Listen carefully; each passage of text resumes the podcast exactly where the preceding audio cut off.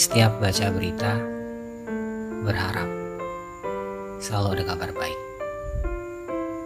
Nyatanya, kita disambut kecewa dengan kurva yang selalu naik. Berharap hari akan semakin asik, tapi ini malah bikin panik. Percaya, pemerintah sedang lakukan yang terbaik. Dan kami cukup duduk patuh sambil berakustik. Kami, aku rasa hanya sebagian dari kami yang peduli soal kebijakan dan kesehatan. Sebagiannya lagi hilang dimakan rasa bosan. Ada yang masih semangat keluyuran, rindu pacar sampai kabur dari kosan. Begitu sakitnya menyerang, baru deh protes sama pemerintahan. Ayolah, punya telinga untuk mendengar, punya mata untuk membaca, punya raga, jangan sampai dimakan ego semata.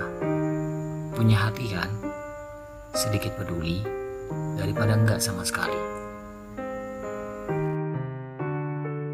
Mereka yang berjuang udah banyak yang dikorbankan, bahkan gak sedikit yang kehilangan. Tenaga dan asa, waktu dan rindu, cinta dan keluarga. Mereka lelah, sangat. Tapi mereka gak pernah bosan untuk mengingetin kita. Selalu jaga kesehatan, pintar-pintar mengusir rasa bosan. Dan perihal rebahan, Iya, kita diminta rubah dari segala keadaan. Merebah ego agar gak keterlaluan. Merebah rindu agar gak hindu. Merebahkan rasa bosan pada apa pun yang bisa dikerjakan.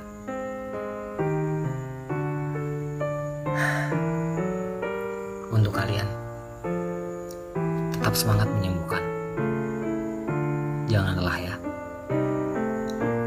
Selalu ada.